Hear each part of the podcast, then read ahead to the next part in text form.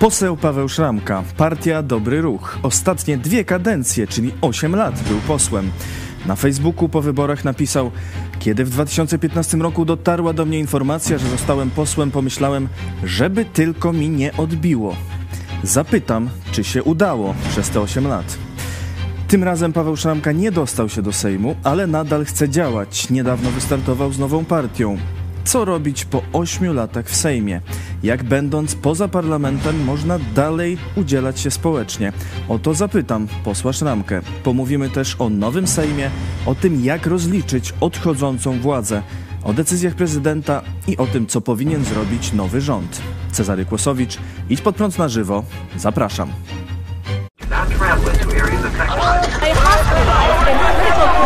Jesteście przestępcami.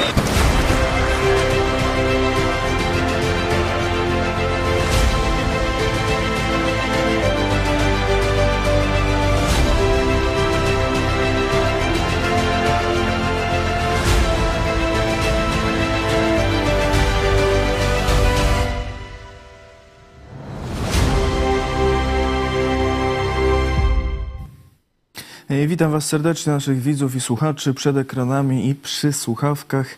E, I witam naszego gościa, poseł Paweł Szramka, Partia Dobry Ruch. Dzień dobry. Dzień dobry, witam serdecznie. E, Zachęcam e, widzów do komentarzy, do zadawania pytał, pytań panu posłowi. Będziemy je przekazywać i do udziału w sądzie. Czy potrzebna jest w Polsce nowa siła polityczna? Odpowiedź pierwsza tak, bo brakuje dobrej partii. Odpowiedź druga wystarczą te, które są w Sejmie. I odpowiedź trzecia to i tak nic nie da. Zachęcam do e, głosowania E, i panie pośle, e, jak przed chwilą cytowałem, pisał pan, że 8 lat temu pomyślał pan, żeby tylko mi nie odbiło, więc zapytam, czy przez te 8 lat się udało? Pan wprost zapytać, czy mi nie odbiło, by to śmiesznie zabrzmiało. E, Myślę, że mi nie odbiło i też e, przez te 8 lat e, nie przyspawałem się do stołka na tyle, żeby mm, teraz płakać i szlochać, że przestałem być posłem. Mm, Od początku zakładałem, że mm, no jest to jakaś przygoda, jest to misja też do wykonania, którą się którą podjąłem, natomiast absolutnie oczywiste było to, że jak się startuje w wyborach, to może nadejść taki moment, że już na kolejną kadencję się człowiek nie dostanie. Więc y, chciałbym być posłem, to, to się nie udało, to się nie udało też mojej partii Dobry Ruch, Mm, przez co oczywiście musimy inaczej podejść do przeróżnych działań, natomiast to nie oznacza absolutnie, że e, składamy broń. O te e, planowane e, działania jeszcze zapytam, ale teraz chciałbym zapytać o podsumowanie trochę tych ośmiu lat najpierw. Napisał pan na Facebooku, spotkało mnie wiele nieprzyjemnych sytuacji, ale zdecydowanie przeważały te pozytywne. Przyznam, że mnie to zaskoczyło. Patrząc na polską politykę, na polski Sejm, spodziewałbym się raczej, że tu będzie przewaga zdecydowana negatywnych przeżyć. Jak to było? Myślę, że wynika to przede wszystkim z tego, że starałem się no, swoją pracę przede wszystkim nastawić na pomaganie innym ludziom, na rozwiązywanie ich problemów, na usprawnianie działalności państwa polskiego i to zaowocowało. Po prostu osoby, które poznały mnie na tej mojej politycznej ścieżce, widziały, jakie mam zamiary, że chciałbym faktycznie coś na dobre zmienić. I to po prostu za- zaowocowało tym, że jestem lubiany w tych środowiskach, które mnie poznały w tej karierze politycznej i nie ma co ukrywać też y, po tym, gdy okazało się, że nie zostałem posłem, to zalała mnie wręcz lawina komentarzy i pozytywnych wiadomości mm, w tonie takim, że po prostu żałują, że już nie będę posłem, bo takich posłów na pewno na polskiej scenie y, politycznej brakuje. No właśnie, jak to się w praktyce odbywa? No, my widzimy te posiedzenia y, Sejmu głównie, y, jakieś konferencje prasowe, y, fragmenty może z, z komisji sejmowych, no ale to jest jakaś część tej działalności posłów. No, w, tak w, całym, w całej kadencji, w czasie, no to nie, nie jakoś największa też. Jak, jak ta praca posła w praktyce wygląda poza tym, co widzimy? Jak w praktyce poseł może pomagać ludziom? W praktyce to zależy w dużej mierze od samego posła, bo wiemy, że są posłowie, którzy nie wykazują się zbytnią aktywnością. Jeśli zobaczymy ich statystyki sejmowe, to są takie osoby, które ani razu nie wystąpiły z mównicy sejmowej, nie napisały ani jednej interpelacji, nie zrobiły żadnej interwencji.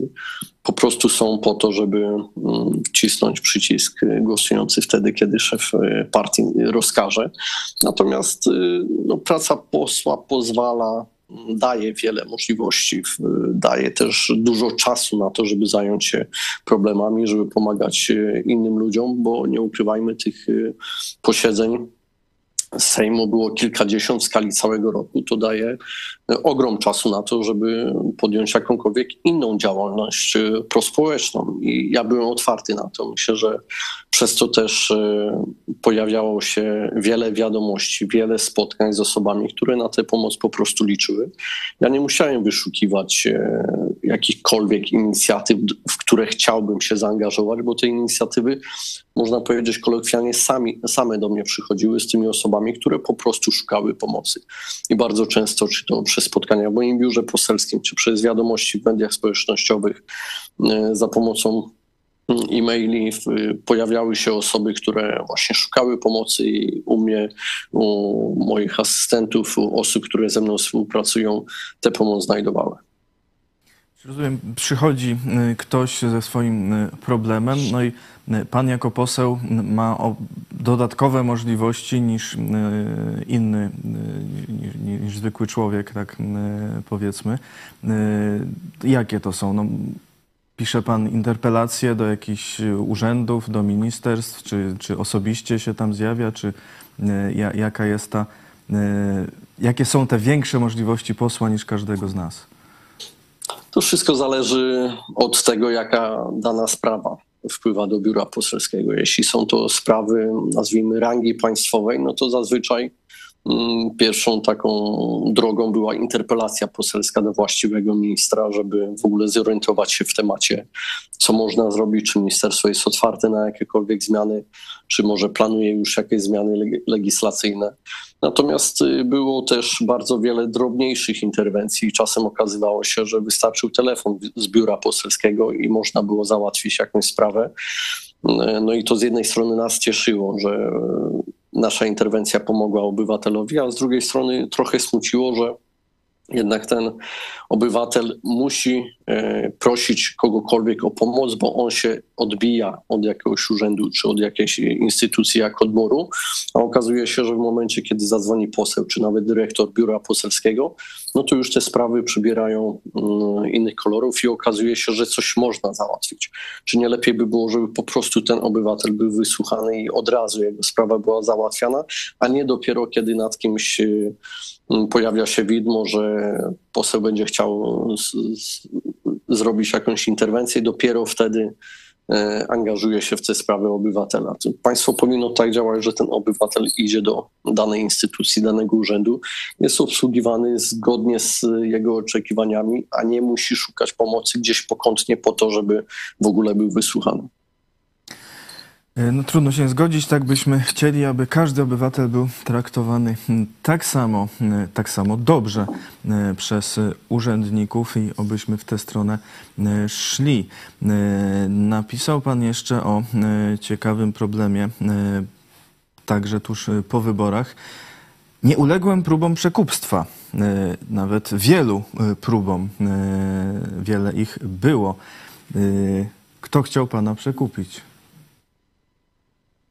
Zazwyczaj próbuje przekupić opcja rządząca, której brakuje głosów, a były takie momenty w poprzedniej kadencji, gdzie opcja rządząca była na granicy, albo były momenty, gdzie miała mniej niż 231 posłów, a to sprawiało, że nie mieli stabilnej większości.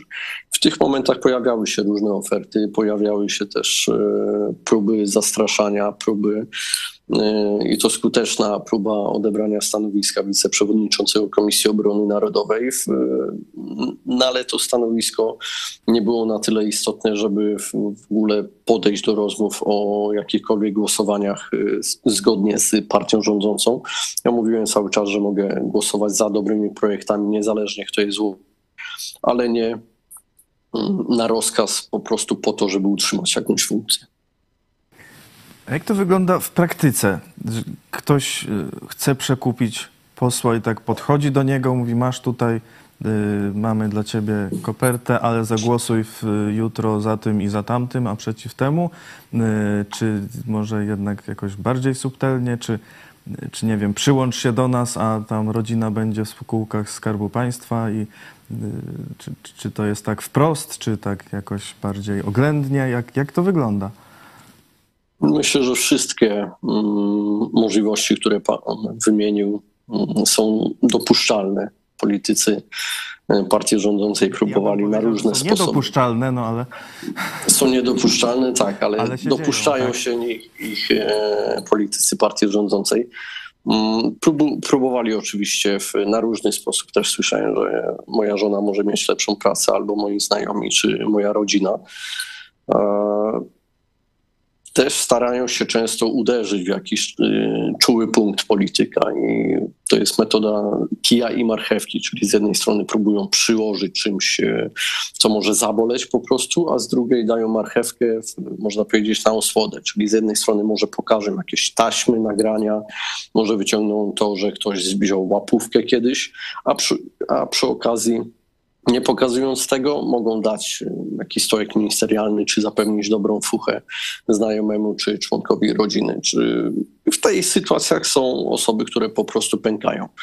No, ja mam na tyle komfortową sytuację, że nigdy w życiu niczego nie ukradłem, nie wziąłem łapówki, jestem uczciwy, nie kłamię, y, jestem wiernym mężem. No, nie ma niczego takiego, co partia rządząca mogłaby złapać i trzymać mnie w ryzach, więc na pewno w stosunku do mojej osoby takie negocjacje były o wiele trudniejsze.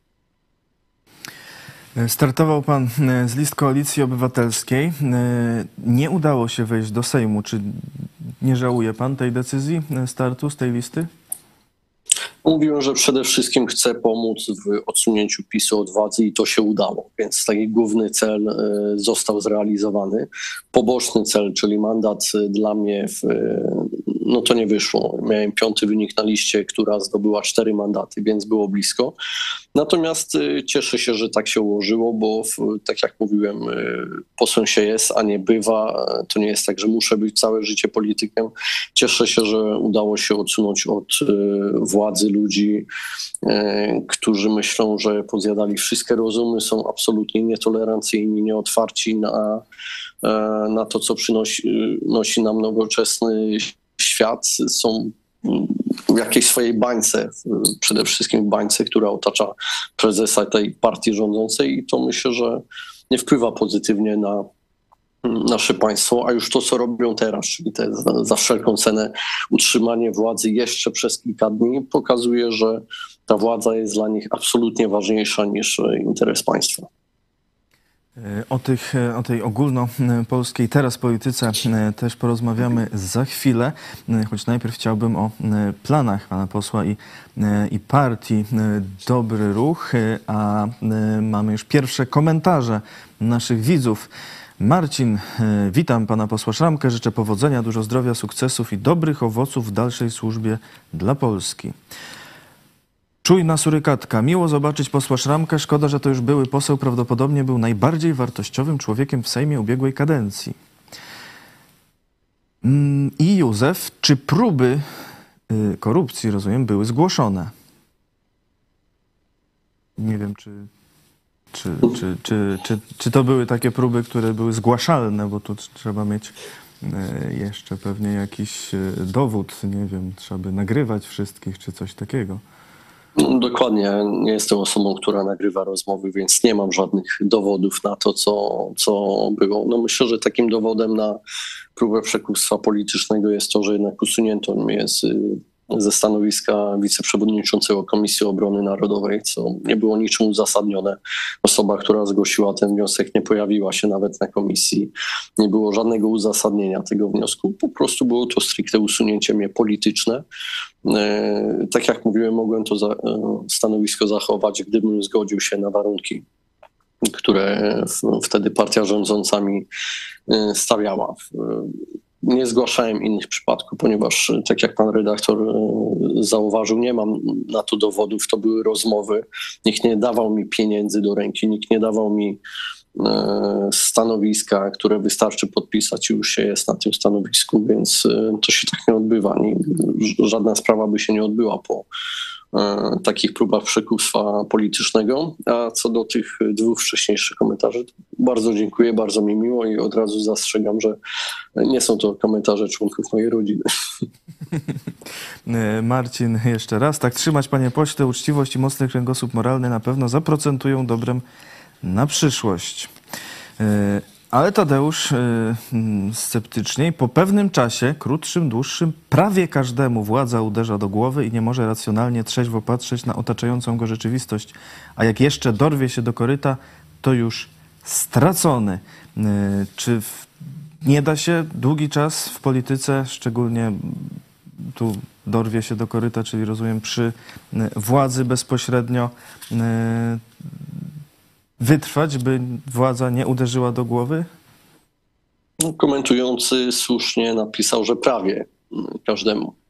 Nie jestem w stanie ocenić wszystkich y, posłów, czy też wszystkich polityków. Jestem w stanie ocenić siebie. Jak ja postępowałem, starałem się zawsze postępować zgodnie ze swoim sumieniem i tak, żeby móc później y, spojrzeć w lustro i myślę, że to mi się udało. Czy władza odby, odbiłaby mi do głowy, gdybym był u tej władzy przez 8 lat, a nie w opozycji. To, to jest takie trochę wróżenie z fusów. Myślę, że skoro udało mi się pozostać tym samym człowiekiem, mimo to, że byłem e, w tym cyrku przez 8 e, lat i w wielu sprawach waliłem głową w mur, to myślę, że gdybym miał większą sprawczość i możliwość rozwiązywania większej ilości problemów, to też raczej by mi nie odbiło. Starałbym się po prostu te moje wpływy wykorzystać jak najlepiej. Jestem przekonany, że zawsze, kiedy zamykają się jedne drzwi, to otwierają się inne. Na pewno nie przestanę udzielać się społecznie, gdyż zawsze to robiłem, a sprawowanie mandatu posła po prostu mi to ułatwiało. Tak pan napisał e, po wyborach. E, to jakie teraz przed panem nowe wyzwania, jak będzie się pan udzielał społecznie nie będąc już posłem? Jest y, masa możliwości, żeby działać społecznie, od przeprowadzania ludzi przez ulice starszych poprzez y, robienie zakupów, a kończąc na dużych, naprawdę dużych akcjach y, charytatywnych, a także i wpływaniu czy też staraniu się E, aby wpłynąć na decyzje polityków przez, e, przez naciski, przez kontakty, przez e, próby rozmów z tymi politykami. To nie jest tak, że gdy przestaje być posłem, to nagle zostaną ucięte wszystkie kontakty. Zobaczmy, że większość Sejmu jednak została taka jak wcześniej, czyli wiele osób, które były w poprzednich kadencjach, teraz też będą w ławach sejmowych i są to osoby, z którymi bardzo często współpracowałem w wielu kwestiach i myślę, że jeśli będą sprawy do załatwienia, a będą to sprawy pozytywne, pchające do przodu nasze państwo, to będą możliwości rozmowy z tymi posłami, czy też może ministrami po to, żeby te dobre pomysły e, wdrażać.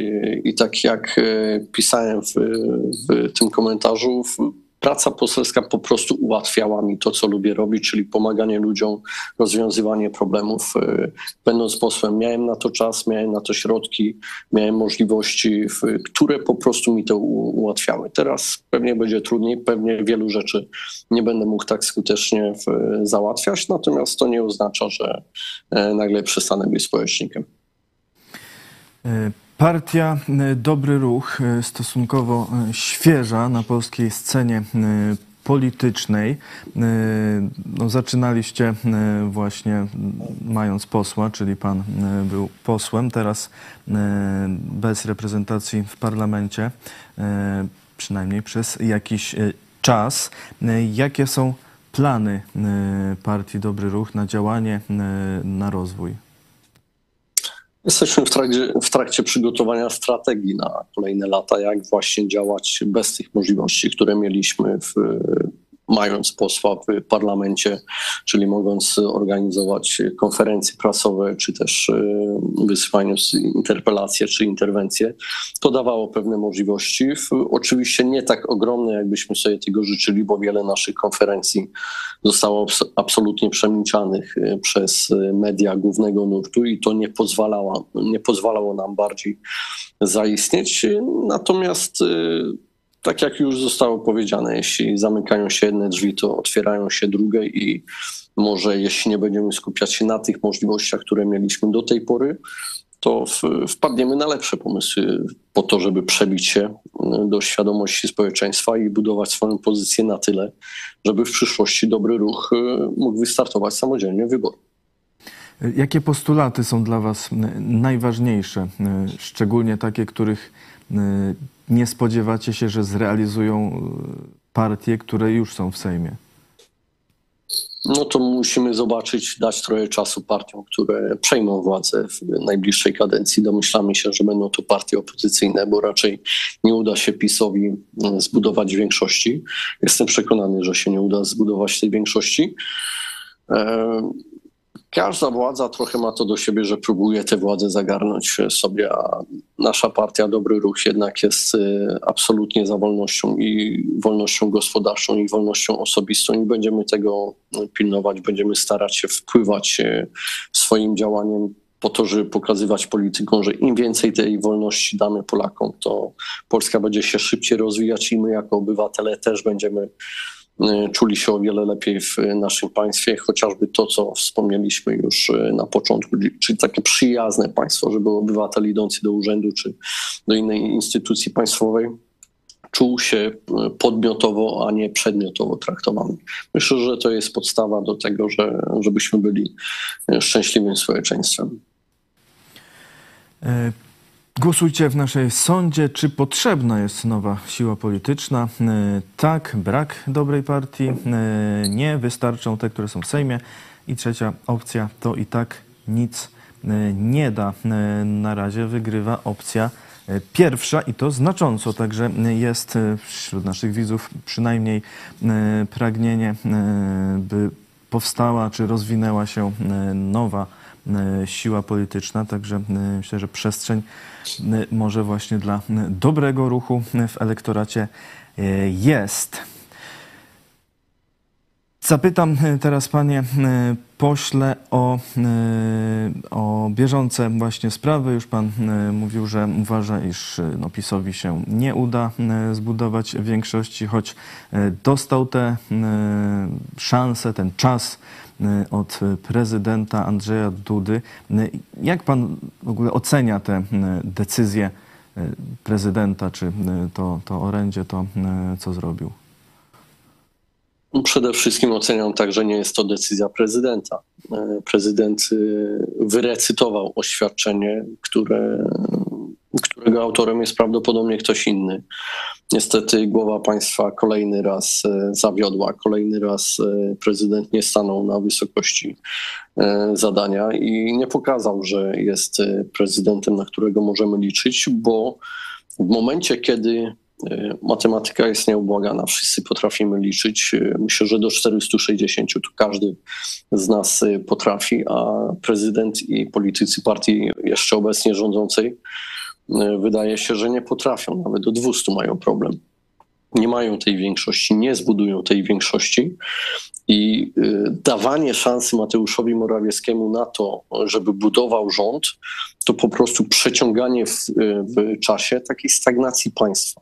Bo jeśli nie mamy sprawnego rządu i sprawnie funkcjonującego Sejmu, to mamy do czynienia ze stagnacją państwa. To do niczego nie doprowadzi. Ten rząd e, nie będzie w stanie przeprocedować żadnej ustawy przez e, Sejm, czyli prawdopodobnie mamy miesiąc stracony, gdzie już nowy rząd mógłby wprowadzać zmiany, mógłby naprawiać państwo po poprzedniej ekipie rządzącej. Do końca roku już mielibyśmy jakieś konkrety, a tak niestety decyzja, decyzja kogoś, kto wydał decyzję prezydentowi, sprawia, że e, mamy miesiąc stracony i prawdopodobnie do końca roku niczego szczególnego się e, nie możemy spodziewać, ponieważ nawet kiedy nowa ekipa przejmie władzę w grudniu, w grudniu, w którym mamy święta, w, gdzie jest już taki miesiąc kończący rok, e, no to raczej rewolucji żadnej nie będzie. E, mogliby się też zająć e, oczywiście budżetem, który na pewno będą chcieli mocno e, projekt ten rządu Morawieckiego zmienić. Mógłby rząd już coś naprawiać, gdyby był. Co najpilniej potrzebuje naprawy w państwie? No to jest dobre pytanie. Myślę, że jest bardzo wiele dziedzin, które wymagają naprawy. E, myślę, że musimy bardzo poważnie pomyśleć o gospodarce, o budżecie państwa między innymi też, e, bo to, co przedstawia, to, co mm, zrobiło Prawo i Sprawiedliwość, e, to jest w ogóle jakiś totalny bałagan w państwie, w ogrom milionów czy miliardów było wydawanych poza budżetem państwa, bez jakiejkolwiek kontroli Sejmu. E, kiedy teraz okazuje się, że e, sprawozdanie e, musiał dać premier, no to tych wydatków było dwa razy więcej niż, niż wcześniej mówili. Więc ktoś, kto przejmie władzę, nie będzie miał łatwego zadania. To będzie bardzo trudna, siermiężna praca, żeby w ogóle postawić państwo na nogi, żeby wyprostować to, co zostało popsute, ponieważ teraz mamy do czynienia z państwem, które było zarządzane e, prawie jak e, przez dzieci, które bawią się w piaskownicy i biją się o łopatki, o wiaderka i bawią się w, w piasku. To nie jest poważne. Jednak państwo powinno tak funkcjonować, że teraz nowa ekipa, która przejmuje tę władzę, powinna z rozpędu wejść w te wszystkie tryby. A tutaj widzimy e, firmy, które są zatrudniane do niszczenia dokumentów. Widzimy ogromne sprzątanie w ministerstwach po to, żeby wyczyścić to, co się działo za e, czasów e, tej ekipy, która ustępuje. No i to pokazuje, że te przejście z jednej władzy do drugiej nie będzie zbyt płynne, a jednak w poważnym państwie powinno to, tak wyglądać. Ustępująca władza powinna pokazać wszystko, e, karty na stół obecnej władzy, tej, która przejmuje władzę w Polsce e, po to, żeby poszło to jak najsprawniej, a niestety mamy ogromne obawy, że tak to się nie odbędzie. Nowy rząd mógłby naprawiać, nowy rząd mógłby też e, rozliczać e, poprzednią e, władzę. I tu moje pytanie, jak głęboko te rozliczenia powinny sięgać? Czy tylko najwyższych polityków, czy wszystkich urzędników, którzy gdzieś na rzecz niedobrych dla Polski decyzji działali? Jak to się powinno odbywać? Powinno się odbywać tak, e, jak powinno to wyglądać w sprawnym, uczciwym państwie. I to nawet nie politycy powinni rozliczać, a instytucje państwowe powołane do tego, jak sądy, prokuratura, e, służby e, policyjne między innymi po to, żeby sprawnie sprawdzić, kto dopuścił się korupcji, kto dopuścił się z różnych defraudacji pieniędzy, kto doprowadził do tego, że pieniądze popłynęły nie tam, gdzie potrzeba, a wiemy doskonale, że e, naprawdę ogromna kasa przez różne instytucje, spółki, fundacje płynęła do prywatnej kieszeni fundacje czy instytucje były zakładane z bardzo górnolotnymi hasłami na ustach, że mają one poprawić jakość życia Polaków, że mają walczyć z niesprawiedliwością i tak dalej, a później przez te instytucje i fundacje wyprowadzano pieniądze do e, prywatnej kieszeni. Tym powinno się zająć e, ca ca cały aparat państwowy w kolejnej kadencji po to, żeby rozliczyć wszystkich tych polityków. E, mam nadzieję, że do tego doprowadzimy, że politycy, którzy w, no, urządzili sobie z Polski prywatny folwark, po prostu poniosą tego konsekwencje. Komisje śledcze zapowiada nowa władza. Poseł Grzegorz Napieralski z Koalicji Obywatelskiej w rozmowie z Super Expressem powiedział, że w planach jest powołanie dwóch komisji śledczych. Pierwsza będzie dotyczyła malwersacji finansowych, wyprowadzania pieniędzy z resortów i państwowych spółek. Druga ma zająć się problemem inwigilacji opozycji. Czy komisja śledcza to jest dobry sposób na e, rozliczanie e, władzy? E, bo myślę, że Polacy przez ostatnie dekady mogli tak się przyzwyczaić, czy uważać już komisje śledcze bardziej za narzędzie do lansowania się polityków niż do jakichś praktycznych działań. Komisje śledcze to e, jedno z kilku narzędzi e, w rękach państwa do tego, żeby sprawdzać właśnie nieprawidłowości. E, bardzo często, jak wspomniał pan redaktor, są to mm, organy, które mają przede wszystkim pomóc politycznie jakiemuś ugrupowaniu czy jakiemuś konkretnemu politykowi. Natomiast nie, nie ulega wątpliwości, że często z tych komisji śledczych wypływały jakieś informacje, o których Polacy by się nie dowiedzieli, gdyby te komisje nie działały, więc jakąś wartość na pewno one mają. E, życzę tylko, żeby one działały sprawnie, jak najszybciej, żeby się nie przeciągały, żeby jak najszybciej Polacy poznawali mm, efekty ich pracy i żeby osoby, które w, no, dopuściły się jakichś nieprawidłowości, mm, stanęły przed taką komisją i żeby zostały pociągnięte do odpowiedzialności. E, oby e, tak było. E, jeszcze jedna sprawa dość w kwestii powiedzmy bliskiej rozliczeniom porusza opinię publiczną i polityków. Co z telewizją polską, publiczną, państwową, rządową? Reżimową, różnie ją ludzie nazywają. E, co by pan, pan poseł, e, gdyby miał tu e, pełną, decyzyjną władzę, zrobił z telewizją państwową? Czy ona jest w ogóle potrzebna? Czy ją zlikwidować? Czy, czy może przeformułować, jakoś zreformować? Myślę, że telewizja mm, publiczna jest potrzebna, ponieważ może ona wypełniać e, misję, której, e, którą nie będą zainteresowane inne stacje komercyjne, które po prostu muszą zarabiać na swojej działalności. Tutaj media publiczne mają pewną przewagę do tego, żeby e, jednak chociażby TVP Kultura czy TVP Historia są to programy, które w, no raczej nie zarobiłyby siebie w, na rynku komercyjnym, a telewizja publiczna ma możliwości do tego, żeby taką telewizję emitować i tym samym dawać jakąś wartość y, obywatelom. Na pewno telewizja wymaga gruntownej do spodu reformy z wymianą także kadry, która pokazała, że za pieniądze rządowe jest w stanie zrobić i powiedzieć wszystko, co tylko ci rządzący e, sobie zażyczą. Nie wiem do końca, jaka byłaby najlepsza formuła na, na to, żeby taką telewizję odpartyjnić, natomiast y, trzeba się starać zrobić to w, jak, jak najgłębiej, żeby jak najmniej politycy, czy to partii rządzącej, czy opozycyjni, czy jak, jacykolwiek inni, mieli wpływ na to, co e, w telewizji się dzieje. Są różne pomysły, żeby na przykład e, e, jakąś radę konsultacyjną, która strzegłaby niezależności mediów, tworzyłyby instytuty, instytuty uczelnie, e, instytucje związane z kulturą, z mediami, żeby to właśnie były osoby niezależne. Zawsze jest obawa, że politycy i tak będą miały, mieli wpływ na te osoby.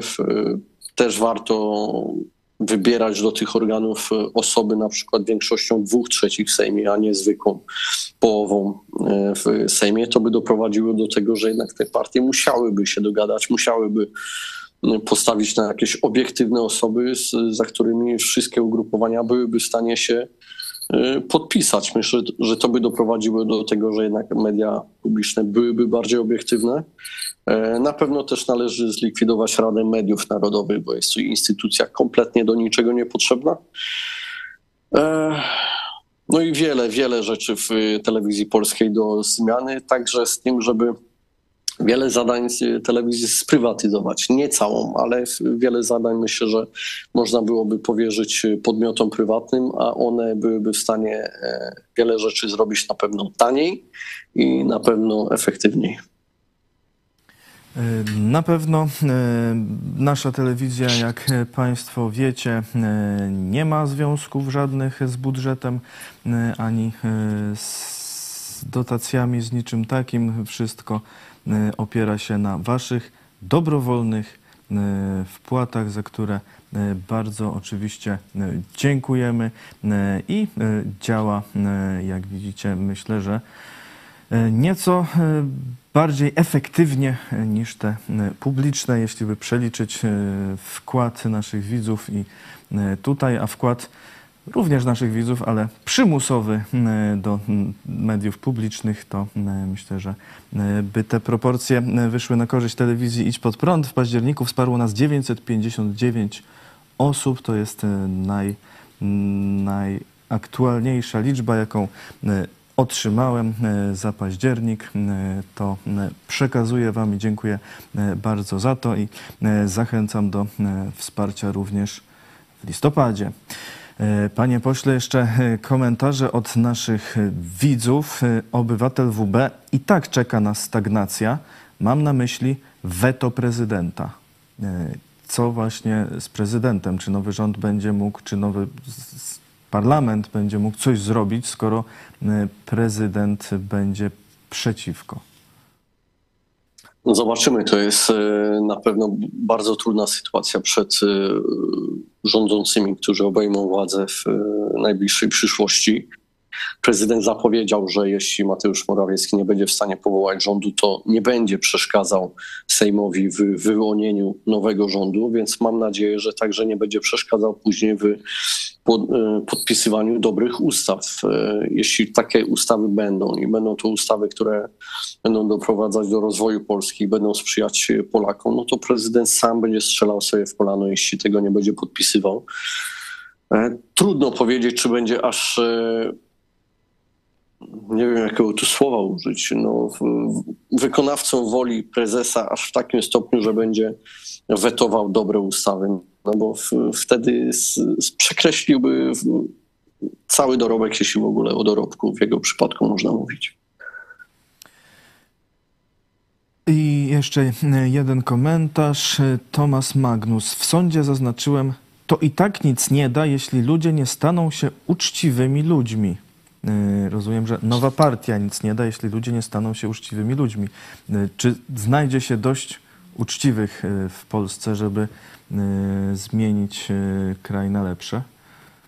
Myślę, że jest wielu uczciwych ludzi w Polsce, uczciwych, pracowitych, kompetentnych, którzy mogliby podnieść jakość polskiej polityki.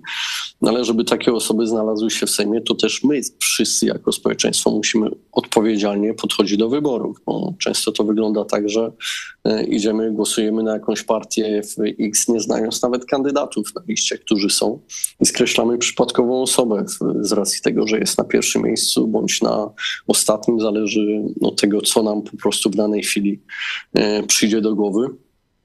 Więc niestety może to jest e, niepopularne, może to nie przysporzy mi e, sympatyków, natomiast mamy takich polityków, jakich wybiera społeczeństwo. Więc jeśli narzekamy na polityków, to zastanówmy się nad tym, dlaczego oni tacy są. Zastanówmy się. Dariusz Niedźwiecki, super czat, wpłata świeża na czacie YouTube. Dziękujemy E, bardzo. E, czyli e, może wystarczy tych uczciwych. Matias Miniszewo jest, jest tak, że ludzie nieprzekupni, uczciwi są niemile widziani wśród krętaczy i kombinatorów oszustów. No tym trudniej będzie się przebić, ale tym bardziej trzeba, trzeba próbować, myślę. Obywatel WB, jaki naród, takie rządy. Zgadza się pan z tym? Właściwie tak mniej więcej e, pan Niestety powiedział. Tro, tro, trochę to potwierdziłem, e, ten komentarz. E, myślę, że jesteśmy ambitnym, pracowitym narodem. Jesteśmy jako społeczeństwo cały czas manipulowani przez polityków, manipulowani przez media. Pewnie też często z braku czasu nie jesteśmy w stanie dotrzeć do tej właściwej informacji. E, natomiast no, jeśli chcemy poprawy jakości w polskiej polityce, to musimy zacząć od, od siebie. To politycy, żadna partia polityczna nie będzie od siebie wymagać więcej niż to, czego wymagają od niej obywatele. E, zobaczmy, jakie są wyniki w sądzie. E, czy potrzebna jest nowa siła polityczna? Tak, brakuje dobrej partii. 85% E, głosujących tak zaznaczyło. Wystarczą te, które są w Sejmie 6% i to i tak nic nie da 10%. Zatem no, znacząco, wręcz miażdżąco przewagę ma opcja, że brakuje dobrej partii, czyli no, jest przestrzeń na pewno do działania. Może tą dobrą partią dla naszych widzów będzie dobry ruch, nomen omen, to się okaże. Prawdę kocham, pisze. Panie pośle, żałuję, że nie będzie pana w tej kadencji w Sejmie. Czas, by budować czwartą drogę do kolejnych wyborów parlamentarnych. Y, to zapytam o te no, wybory najbliższe, to samorządowe. Y, będziecie wystawiać swoich kandydatów? Myślę, że w, nie ogólnopolsko, bo jeszcze nie mamy na tyle siły, natomiast każdy indywidualnie w swoim regionie, jeśli będzie chciał startować, to będzie miał poparcie dobrego ruchu, będziemy wspierali mm, osoby, które będą chciały kandydować i mamy głosy, że e, są osoby z naszej partii, czy też sympatycy naszej partii, e, którzy będą ubiegali się, czy to mandat radnego, czy burmistrza, czy wójta w w swoich regionach. Będziemy za nich trzymać kciuki i na pewno będziemy wspierali ich działania. Potem y, Europarlament, czy te wybory, czy to już za daleka perspektywa? No, to nie jest aż taka daleka perspektywa, bo to niewiele ponad pół roku do tych wyborów. Sprawdzamy swoje siły, sprawdzamy swoje możliwości. Nie mówimy nie, ale też nie mówimy tak. Zobaczymy. E, jeszcze jeden super czatowicz, Zbigniew Stachowiak. Dziękujemy e, bardzo i napisał Solidarni z pastorem Chojeckim e, w komentarzu. Dziękujemy. A jak już się ten temat pojawił, to zachęcam do Was do podpisywania petycji do Rzecznika Praw Obywatelskich o kasację wyroku pastora Pawła Chojeckiego. Na stronie idźpodprąd.pl jest ikonka z petycją, tam formularz E, do podpisania. Podpisało już ponad 1400 osób. Zachęcamy e, kolejnych. A jeśli chcecie wiedzieć więcej o procesie pastora Chojeckiego, to polecamy nasz serial Chojecki Kasacja. E, wczoraj już szósty odcinek o tajemniczym zwolnieniu pani kurator, a tytuł to Wolę oglądać porno niż słuchać Ewangelii mocna e, rzecz. Polecam wszystkie odcinki, e, szczególnie tym, którzy e, może są nowi, nie słyszeli jeszcze o tej sprawie. Dziękuję bardzo panie pośle za ten dzisiejszy komentarz. Dziękuję, że opisał nam pan trochę jak to działanie w ogóle w Sejmie posła wygląda. Myślę, że to ciekawe i mamy nadzieję, że działalność poza Sejmem też będzie sukcesami dla nas wszystkich. Poseł Paweł Szramka, Partia Dobry Ruch. Bardzo dziękuję za zaproszenie i za rozmowę. Dziękuję bardzo. Jeszcze mam E, jedno ogłoszenie e, dla Was. Od 17 listopada w Muzeum Nowoczesności w Olsztynie będzie można obejrzeć wystawę Biblii. Księga, która przetrwała wieki. Sprawujemy patronat medialny nad tą wystawą. Nad tą wystawą e, zapraszamy. Wstęp jest wolny. Zachęcam do odwiedzenia Facebooka, bestseller wszechczasów, wystawa Biblii, tam e, wszelkie informacje od 17 listopada w Olsztynie. E, dziś o 17 hmm, oczywiście informacje e, iść pod prąd, ale one ukazują się też na bieżąco w mediach społecznościowych, także e, możecie śledzić po e, najświeższe informacje. I, I o 18 którędy do nieba 54% Polaków wierzy w piekło. A ty? Zobaczcie, e, co e, tam będzie. Dziękuję Wam bardzo wszystkim e, za komentarze, za udział w sądzie, za pytania i do zobaczenia.